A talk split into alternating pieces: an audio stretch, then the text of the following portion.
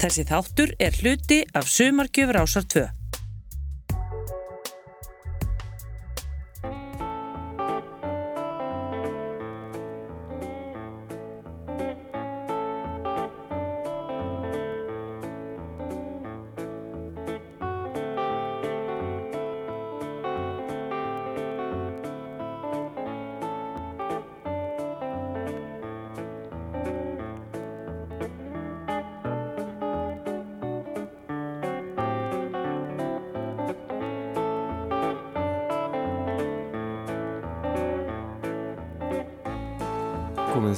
velkomin á vitt Bítlana þar sem þeir flytja okkur fágætar hljóriðanir úr breska útarpinu.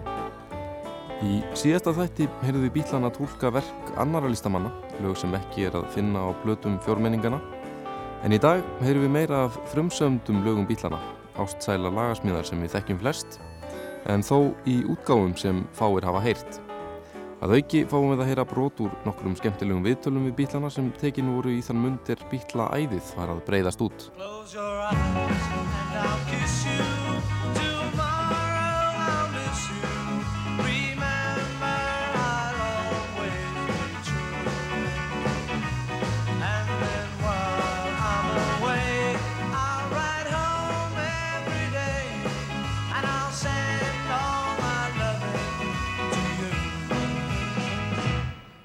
Pretend that I'm kissing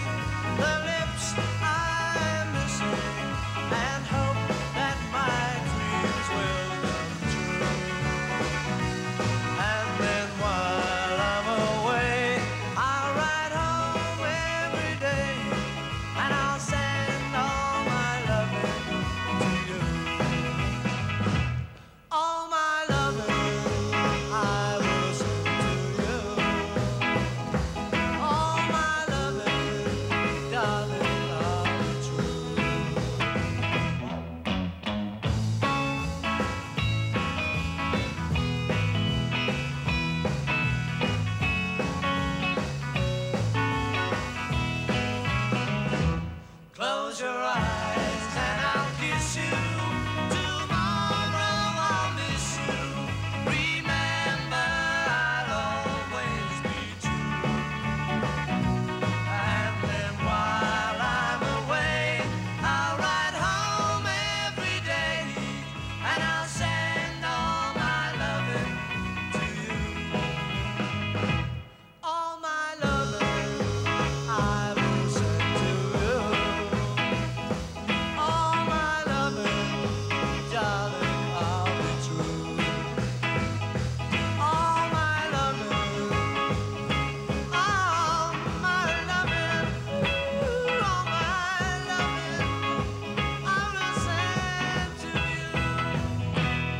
Bílarnir og All My Lovin', eitt eftirminnilegasta lagi frá fyrsta skeiði sveitarinnar, lag sem kom út á blöðinni With the Beatles í november 1963.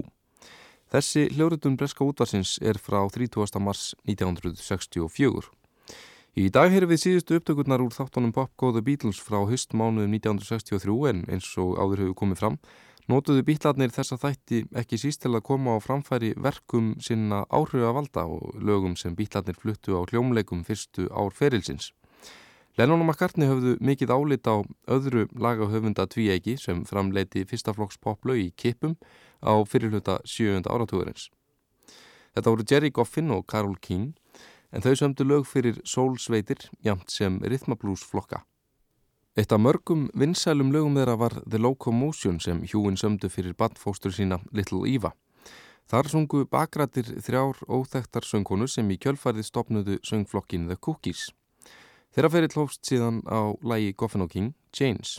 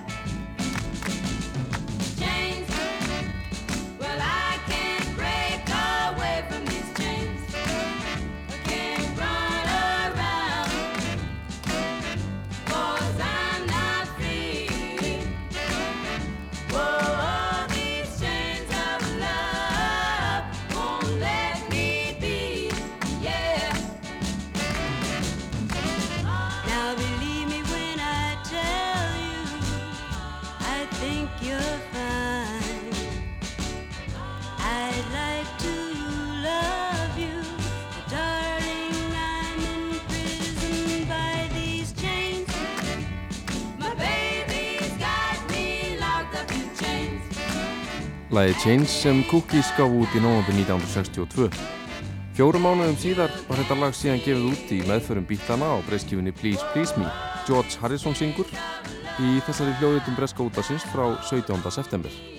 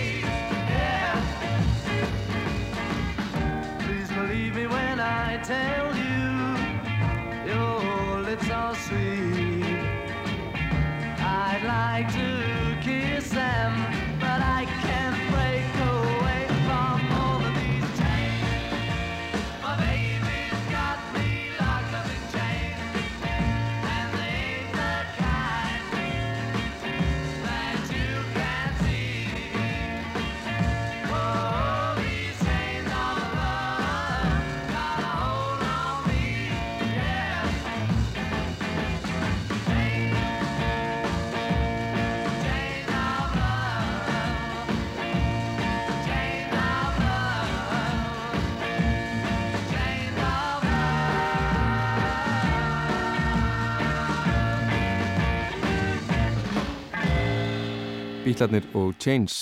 Við höfum áður heyrt um dálæti bítlana á verkum rockabilly söngvarans Carl Perkins en þrjú af verkum Perkins tólka bítlarnir á plötum sínum.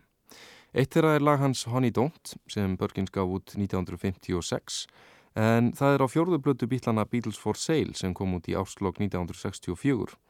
Þar söng Ringo Starr aðal rött en í hljóriðum breska útvarsins frá september 1963 hefur John Lennon þann starfa með höndum.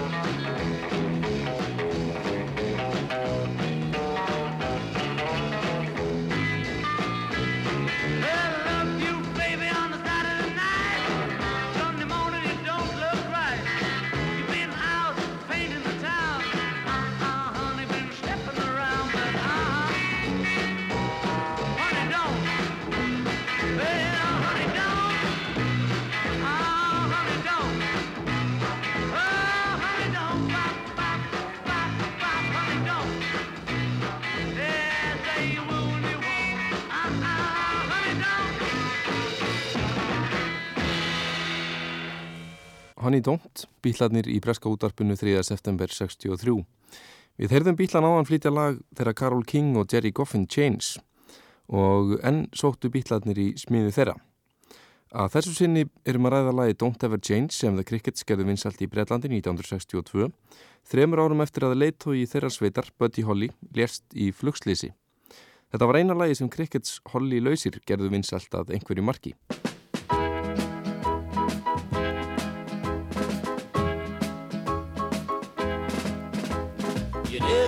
Stitch of lace, and powder's never on your face. You're always wearing jeans, except on Sunday.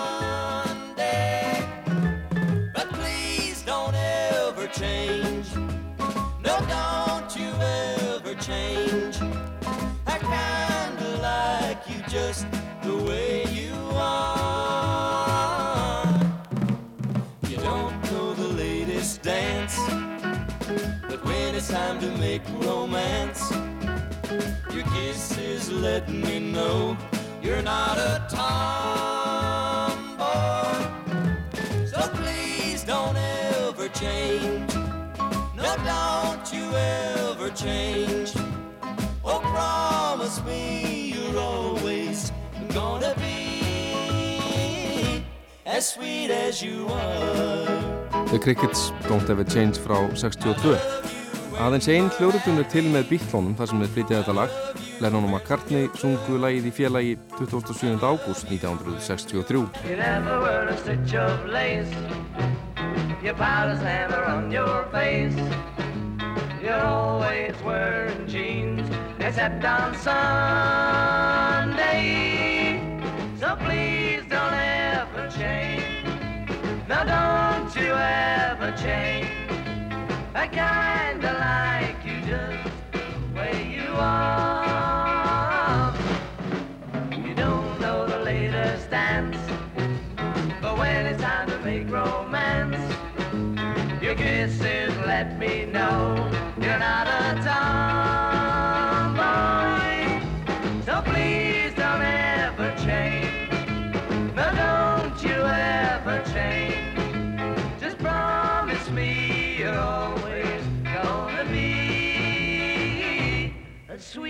You are.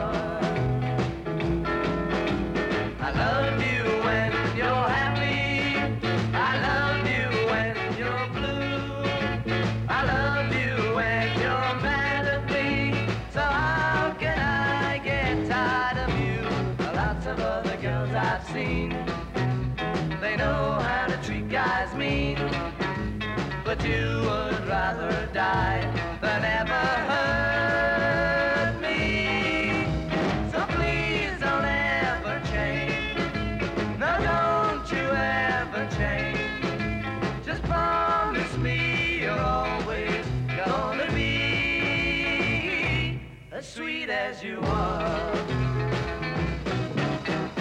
Please don't ever change. Don't you ever change. Bítlarnir voru viðlíka tíðir gestir hjá breska útvarpinu og skúringakonunnar en hljóðfærin voru eins og er ekki alltaf með í för.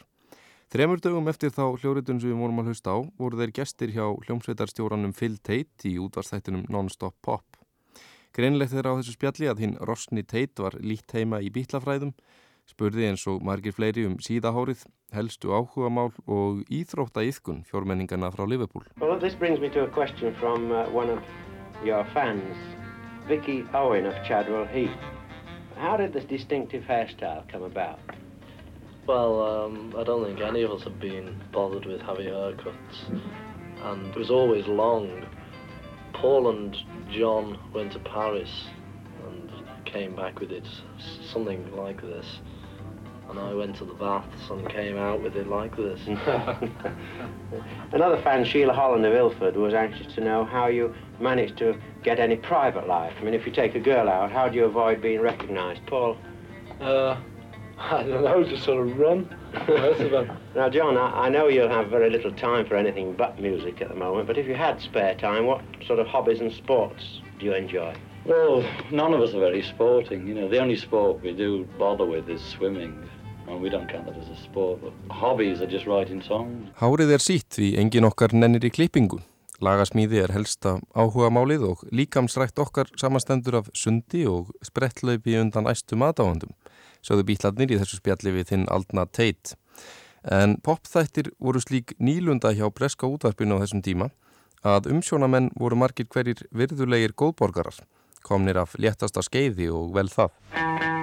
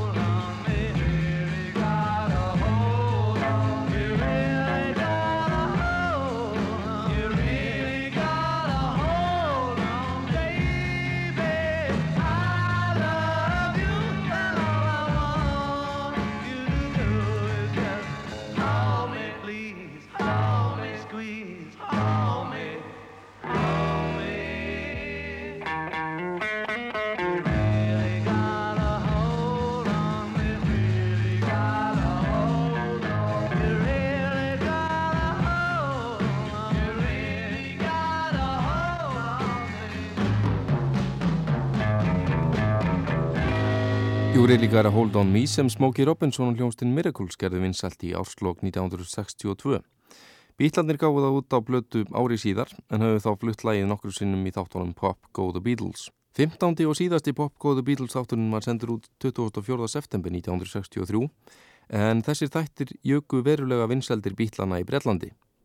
Það má segja að þessi þáttur marki nokkur vatnaskil því á næstu vikum urðu vinsaldir bítlana slíkar að jæðraði við reyna múksefjun.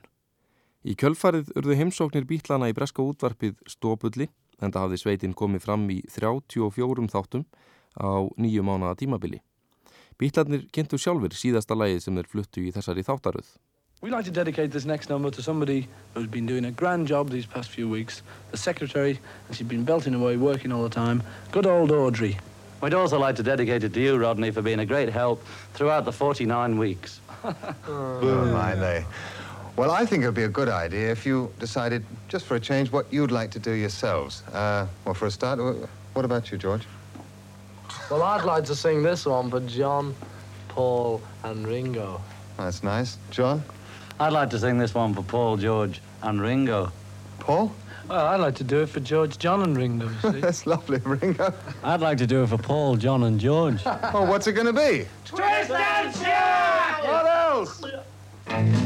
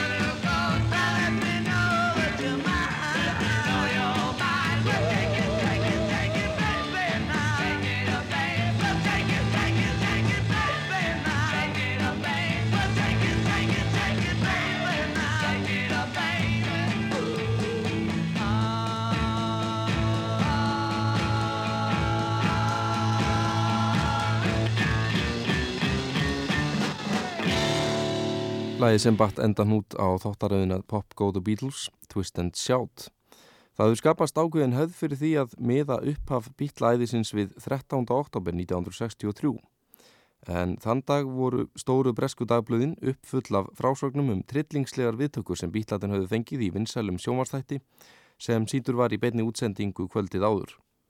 Þúsundir ungmenna höfðu beðið bítlana áður en tónleikarnir hófust, móður síkis öskur yfirgnefðu tónlistina eftir að bítlarnir stigu á svið og víða fjallu unglingstúlkur í yfirlið. Now, if the audience in the studio here will kindly let me get to the end of this announcement, which is unlikely, I'd like to tell you, tuned to the show at home, that it's our pleasure right now to present Britain's biggest attraction, the Beatles!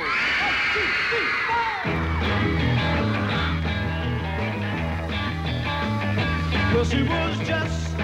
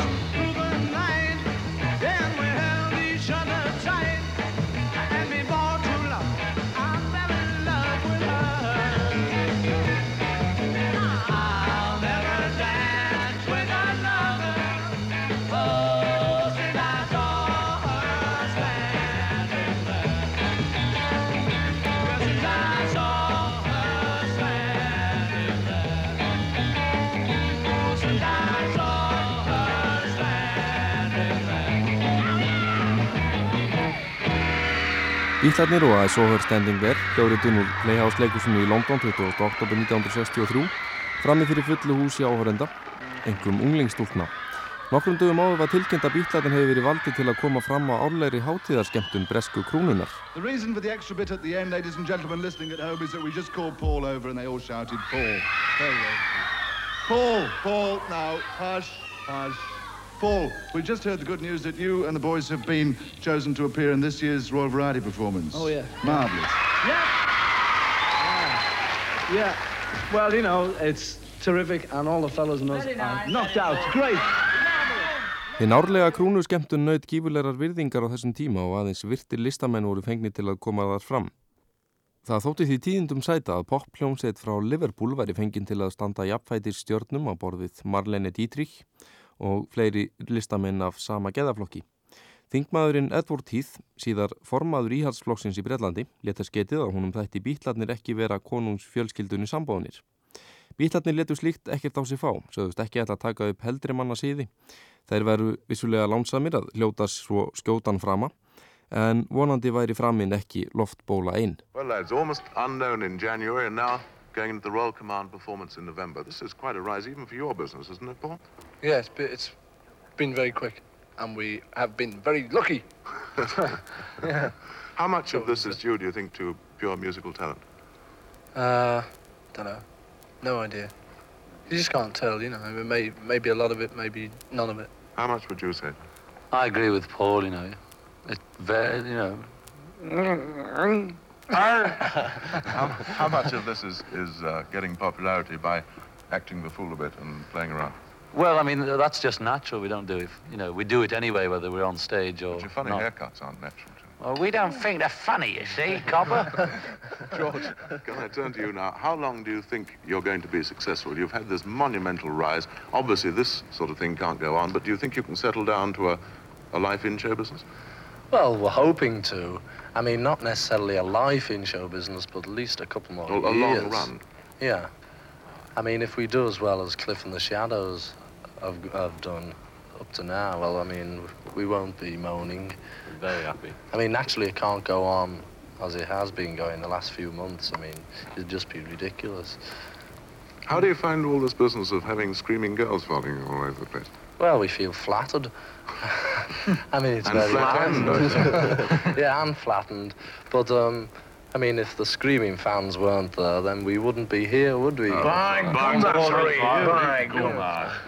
God. Paul, coming quickly back to you again.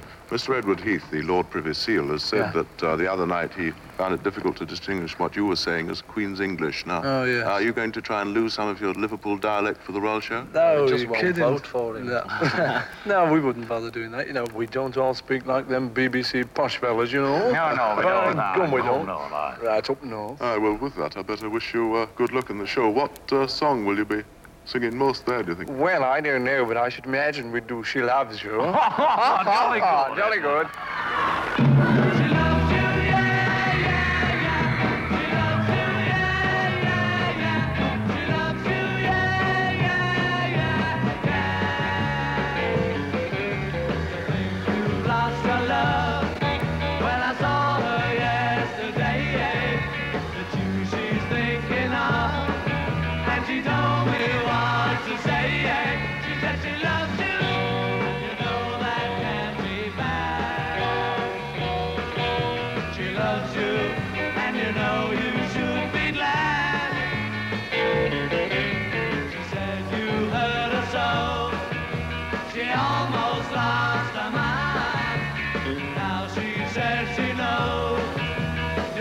You're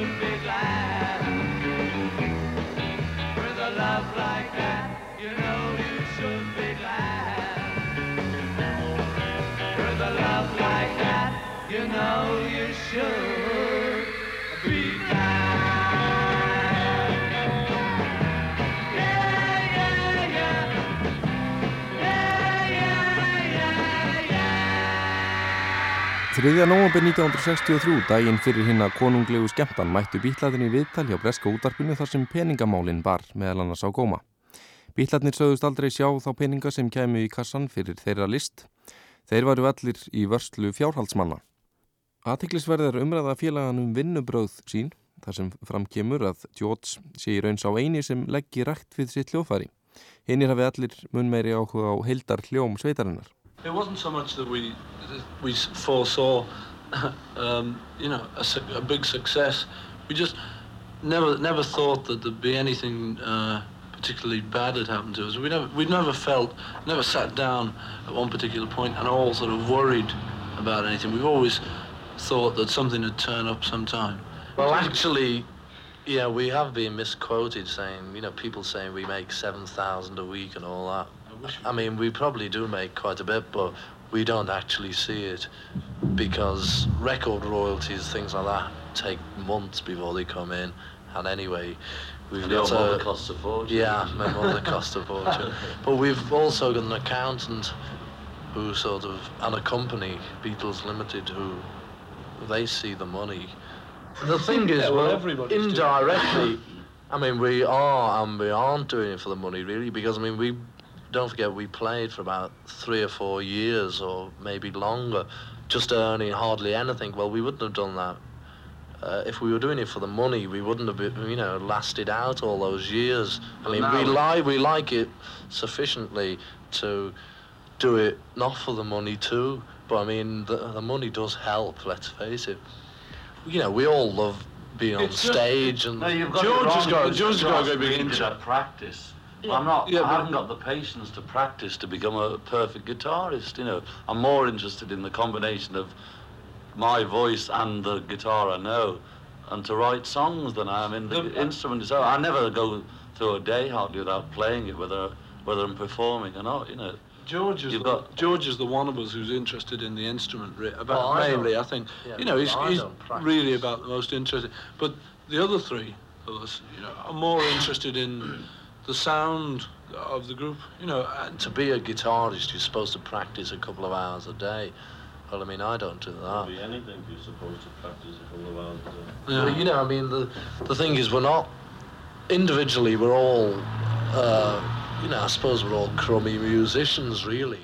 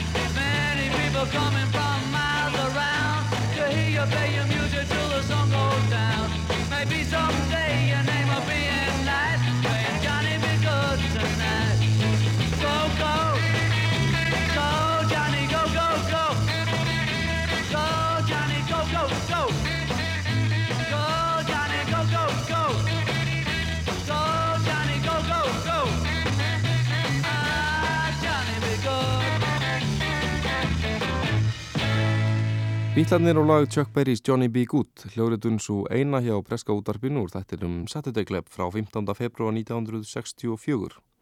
Berry gaf þetta lag út 1958 og síðan hafa mistakosti 50 listamenn gefið lagið út af blötu, allt frá Beach Boys til Sex Pistols. Þegar þessi hljóðritum var gerð höfðu bítlarnir lagt undir sig bandaríkjamarkað og það svo um munnaði.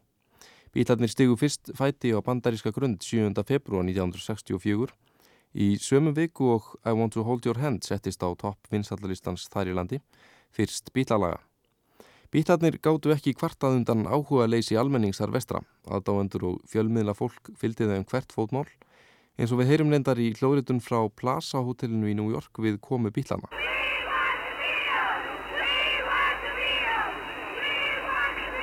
They're arriving now.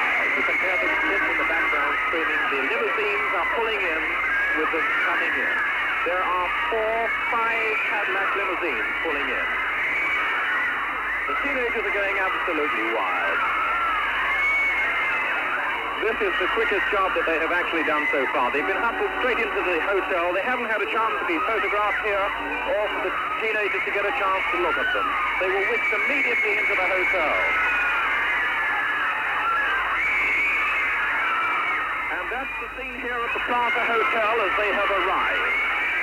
Þetta var fréttamaður Breska útvarsins við Plaza Hotel í New York þegar bítlarnir komu til bandaríkjana í fyrsta sinn. Breskir fjölmiðlar fyldust vitanlega grant með landvinningum bítlana í gósenlandi skemmtana innaðarins og daginn eftir komu bítlana til New York borgar var útvarpað í þettinum Saturday Club í Englandi spjallið við fjórmenningana þar sem glögt mátti heyra að stórkoslegar móttökur í bandaríkanum komu bítlunum í opna skjöldu. Pól McCartney segir frá því hvernig komu þeirra var list í smáatriðum í öllum helstu útvarstöðum líkt og um heimsókn þjóðarleitóa væri að ræða. it was fantastic, you know, we, we it. So and, and you know, it was. We thought, well, you know, they couldn't be as good as that. But when we arrived, it all just sort of hanging all over the airport. And yeah, and thousands of pressmen and thousands of New York cops and things. And they were, I don't know, it's just ridiculous, you know, screaming, belting all over the place. It was marvellous, in fact. Were there were there any teenagers there, Paul? Yeah, oh, that's well, mainly, you know, that, that was the main thing. Mainly thousands of fans and things. Fantastic, lovely though. Yeah, and we were just sort of driving along and listening to the DJ show on on the radio, and it, as we were going along, it was reporting it, you know, and the the fellow saying, and in a, in 20 minutes time we were going to switch over to the Plaza Hotel, New York, you know, and it's great, marvelous. And just as we were getting out of the car, he said, "Now we hear they've arrived now." Fantastic, you know. John Lennon var líkt og Paul McCartney forvið á öfgakendum viðbröðum bandarækjamanna við komu bílana og reyndar rauð eigður orðin að horfa á sjálfan sig í öllum fréttatímum sjómastöðana. Have you seen any TV yet, John? Yeah, we've just been watching it for the last hour or two because they got so many programs, so we're on all the news. Yeah, it's ridiculous. Uh, what, what are your first impressions of arrival in America? Well, I don't know, they're sort of, they're wild. they're all wild. They just seem to go. Wilder than they are here in England? Well, it seemed like it. Maybe it's just the first impression. Yeah, they just seem all out of their minds. Kanin er klikk, sagði Lennon, en við komuna til bandaríkjana var slegið upp tröll auknum bladamannafundum þar sem sígilt umræðið efni bara að góma, síðahárið hjá bílónum. Ringo kveður félagana hafa varist fimmlega öllum ásökunum um hárkollunótkun. Uh, Um, well, we had this big mass press interview with, oh, about 100 people there, you know. And then um, we got out of that, and then we, we had a Cadillac each. Marvellous cars. Uh, what sort of things do they want to know at the press reception? Oh, all things. Are we bald, you know, and what do we do with our money? All the usual things. You proved that you uh, don't wear wigs, I hope. Yeah. Uh, what did you do? We took them off. Við erum ekki með kollur, sögðu bílarnir og tóku þær ofan til sönnunar. Frásögn Ringo að bladamannafundi í New York. Í februar 1964 voru sex bílalög komin inn á vinstallalistan þar í landi og í New York borg einni voru bílalög í þremur efstu sæðunum. En fyrsta verkefni bílana var að koma fram í einum vinsalasta skemmti þættinum Vestanafs, Ed Sullivan Show, George Harrison. The first thing you'll be doing over there is the Ed Sullivan Show, isn't it? yeah, we rehearse that tomorrow, and then uh, do the show on Sunday. But what will you be doing on the show? Uh, I think we'd be doing, you know, I want to hold your hand, she loves you, please, please me. You know, the usual ones. Uh-huh. How many of your records are in the American Hit Parade at the moment? We've got six in the hundred, and uh, we it's we've got to hold your hand, she loves you, please, please me, from me to you, my Bonnie, which is a laugh, and I saw her standing there. You know, in in New York, the um, three records. Uh, Please Please Me, She Loves You, and I Want to Hold Your Hand are all number one.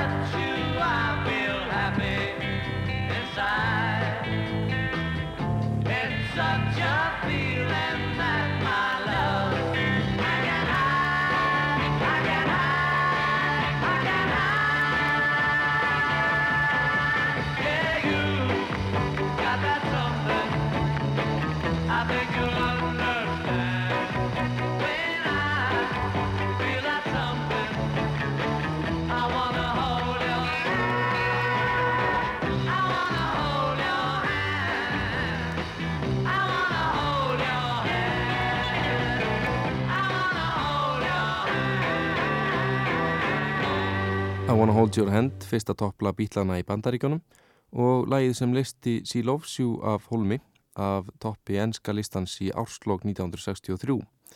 Þessi hljóritun er úr Saturday Club þættinum sem útvarpað var 15. februar 1964, sex dögum eftir að bítlarnir hilluðu 73 miljónir sjónvarsáhórenda í bandaríkjónum í þættinum Ed Sullivan Show.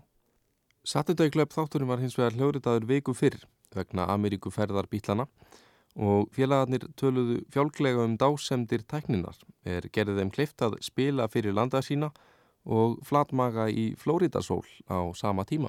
Now then, me lucky lads, what do you reckon you'll all be doing when this program's broadcast? Yeah, have a bit of a sunbathe down in Florida. Miami Uh, Beach, Brian. Lovely, lovely. Have a sunbathe. That's for And, me. uh, It's amazing that you can hear us seeing as we're in America now.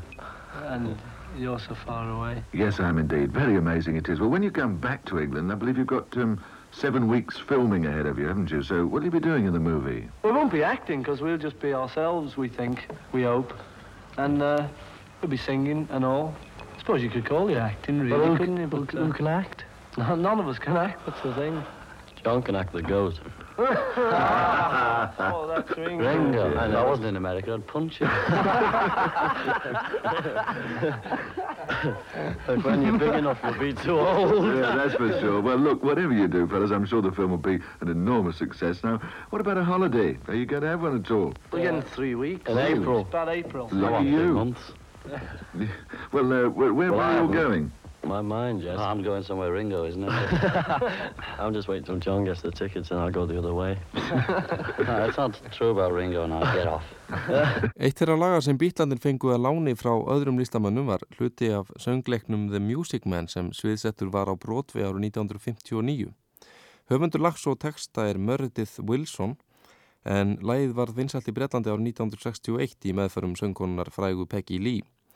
Hliðstæð útgáfa kom út nokkru áður en 1960. Þá söng Joni James lagið á plötu þar sem hún flutti lög úr ymsum Broadway söngleikum. Lagið Till There Was You.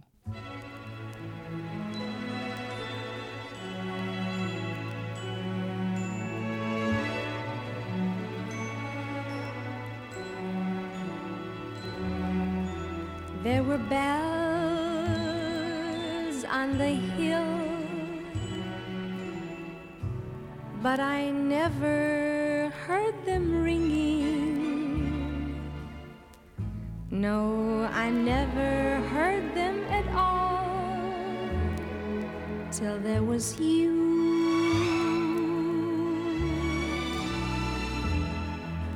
There were birds in the sky, but I never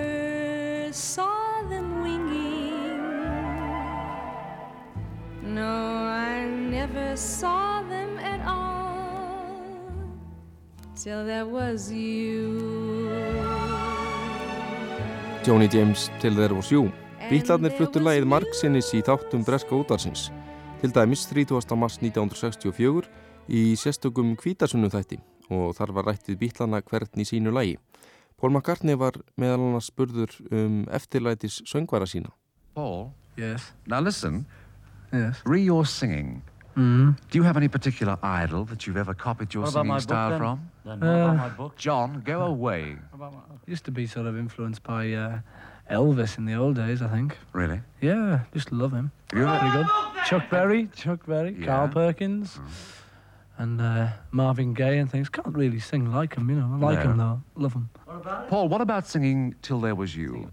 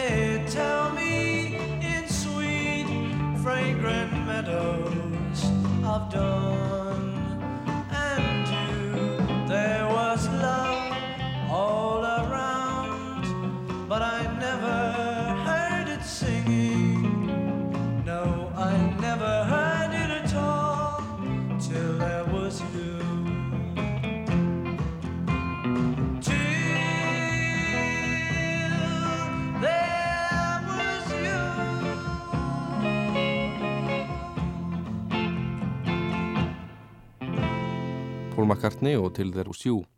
Á sömu plötu var einn þekktasti rockari söngvarans Chuck Berrys, Roll Over Beethoven, sem höfundurinn gaf út 1957. George Harrison söng í tólkun bílana en sór hins vegar af sér alla þekkingu á verkum Ludvígs van Beethovens og gömlu meistarana. George, is it true that you're a connoisseur of the classics? No, it's just a rumor. It's just a rumour. rumor. Mm. Do you enjoy singing Beethoven? No, been singing it for 28 years now. You For know? how long? 28 years. That's incredible. Could you manage one more performance? Um, possibly, oh, go on, say yes. yes. Thank you.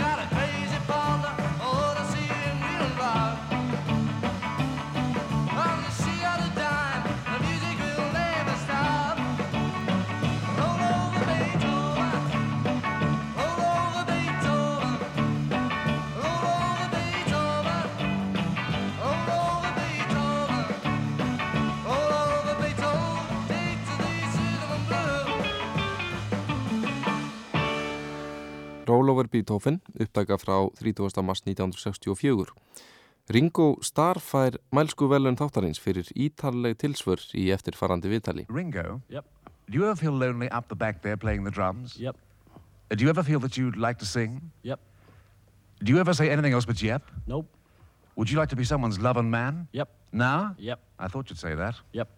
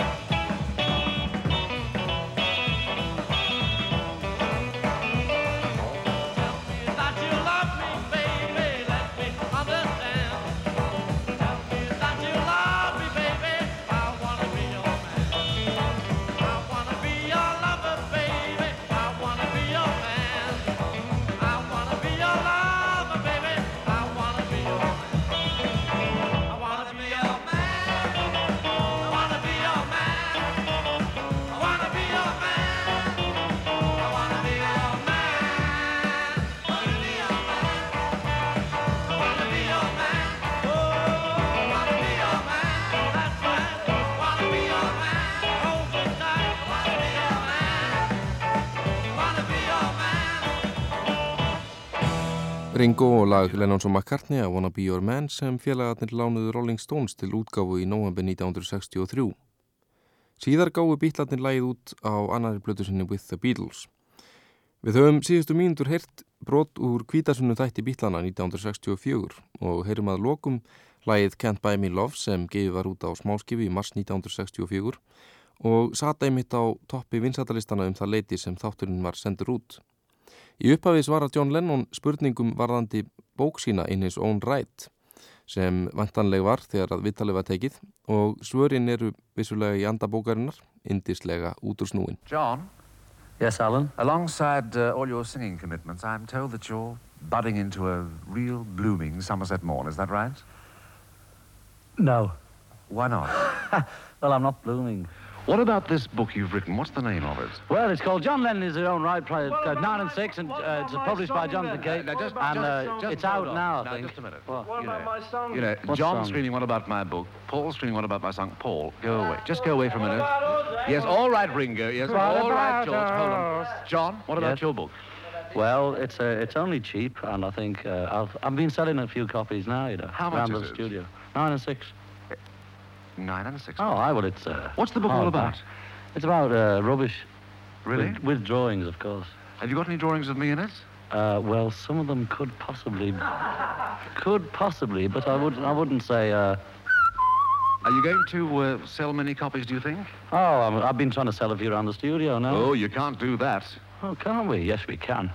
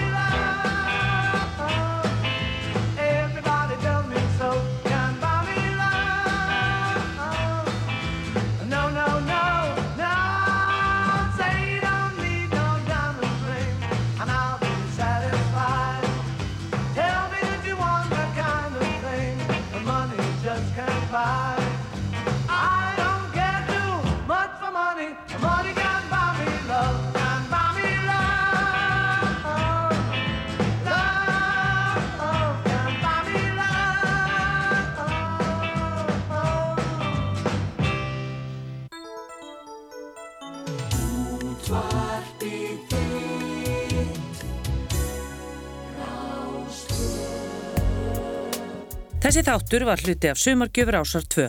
Þú getur nálgast fleiri þætti úr safnir ásar 2 í spilaranum á rúf.is, í rúf appinu fyrir snjalltæki og öllum helstu hlaðvarpsveitum.